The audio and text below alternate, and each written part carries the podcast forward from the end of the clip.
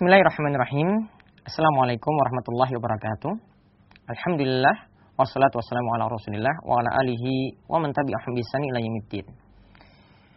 Di dalam pengurusan jenazah, setelah kita mengetahui ya bagaimana cara menyolatkan jenazah tersebut, ya, kita melihat lagi setelah itu jenazah setelah disolatkan disiapkan untuk dikuburkan. Ya, nanti dipikul dan kemudian dibawa ke tempat pemakaman untuk dikuburkan. Nah, itulah yang dijelaskan oleh Abu Syuja di dalam penjelasan selanjutnya. Beliau sekarang menjelaskan tentang bagaimana cara menguburkan jenazah. Beliau jelaskan pertama kali bagaimanakah bentuk kuburnya. Beliau katakan wayud fi lahdin. Ya, beliau katakan diperintahkan untuk jenazah tersebut dimakamkan dalam liang lahat. Yang dimaksudkan lahat, ya, jadi kubur itu sebenarnya ada dua macam. Ada istilah diistilahkan dengan syak. Syak itu maksudnya lurus ke bawah kuburannya, digali lurus ke bawah, kemudian di tengah-tengahnya itu ada lubang seperti selokan. Ya, itu yang dimasukkan dengan syak. Yang kedua, ini disebut dengan lahat, ini dimaksudkan oleh Abu Suja. Ya, kuburnya turun ke bawah, kemudian ada tempat yang melengkung ke dalam. Ya, ini nanti tempat di arah kiblat, ini untuk masukkan si mayat di situ.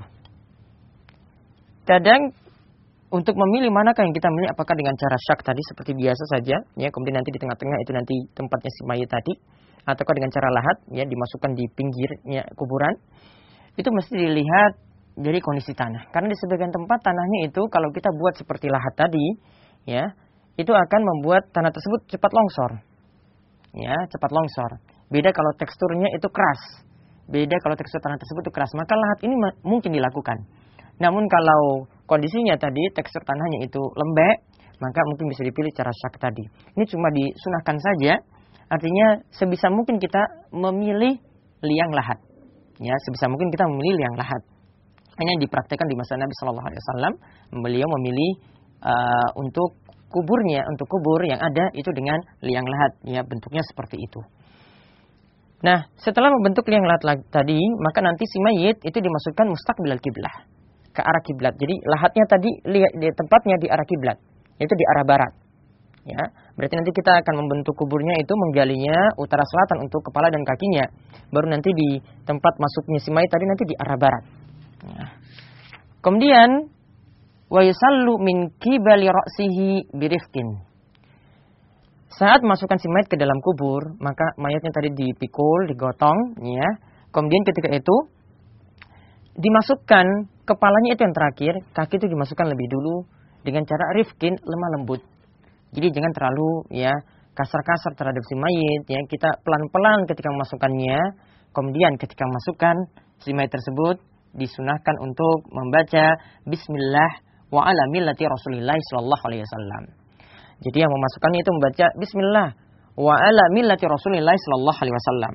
Ya bismillah wa ala millati Rasulillah sallallahu alaihi wasallam. Atau di dalam lafaz yang lain dikatakan Bismillah wa billah wa ala millati Rasulillah sallallahu alaihi wasallam. Ada juga dalam lafaz yang lain dalam lafaz Ibnu Majah misalnya Bismillah wa fi sabilillah. Bismillah wa fi sabilillah. Atau juga ada yang menyebutkan dengan lafaz wa ala sunnati Rasulillah. Bismillah wa ala sunnati Rasulillah. Lafaz-lafaz yang ada tadi itu bisa digunakan ketika kita masukkan mayat ke dalam kubur. Nah, di sini ditunjukkan bahwasanya ini yang jadi sunnah. Ini yang diajarkan di dalam Islam. Kadang ada yang sambil teriak Allahu Akbar, Allahu Akbar masukkannya ke dalam kubur. Allah alam seperti itu tidak diajarkan di dalam agama kita. Atau nanti ada yang masukkannya dengan azan misalnya. Atau setelah dikuburkan baru nanti diazani dan diikomati. Itu pun juga tidak ada tuntunannya di dalam agama ini. Nah kemudian wayut ja'u fil qabri ba'da ayu amma qamatan wa. Nanti mayat itu dimasukkan di dalam kubur ya. Ketika itu nanti diukur tingginya dan juga lebarnya ya. Ukuran kuburannya itu disesuaikan dengan tinggi dan lebarnya orang tersebut ya, termasuk juga tempat lahatnya tadi. Nah, sekarang ketika mayat sudah dimasukkan ya, di lahat tadi, kemudian akhirnya ditutup kubur tadi. Di sini juga tidak mesti dengan aturan-aturan tertentu, ya pokoknya dimasukkan seperti tadi seperti itu. Namun di sebagian tempat itu ada yang memasukkan peti jenazah juga dalam kubur. Ini suatu pemborosan sebenarnya dan seperti itu tidak perlu dilakukan. Ya, kadang kita ya cukup dengan memakai keranda saja untuk bawa ke kuburan itu sudah cukup tanpa memakai peti seperti tadi. Karena ada yang memakai peti tadi kemudian ya dikubur sekaligus dengan si mayat tersebut ya. Ini suatu pemborosan dan suatu kesia-siaan membuang-buang dana yang begitu besar dalam penguburan si mayat. Kemudian yang terakhir tentang masalah menguburkan si mayat ini dikatakan ya bagaimana bentuk kuburnya akhirnya.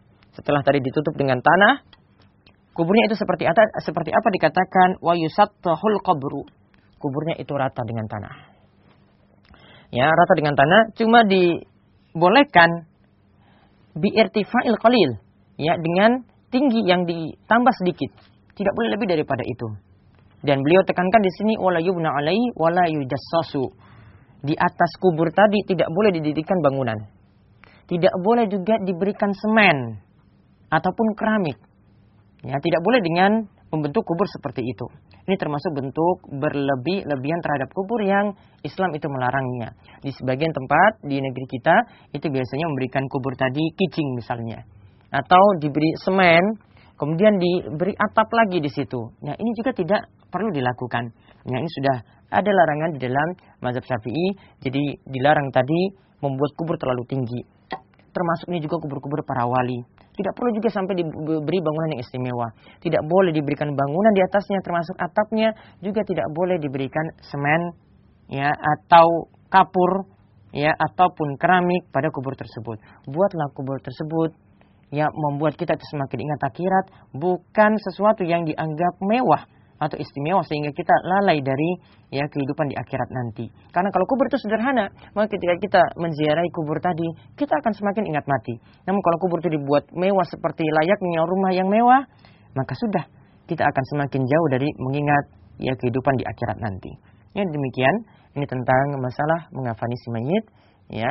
Mudah-mudahan ya yang telah dijelaskan tadi ini semakin membuat kita memahami bagaimana ketentuan Islam dalam menguburkan si mayit dan mudah-mudahan yang kekeliruan yang selama ini terjadi bisa diluruskan di tengah-tengah kita. Wabillahi taufiq wal hidayah. Wassalamualaikum warahmatullahi wabarakatuh.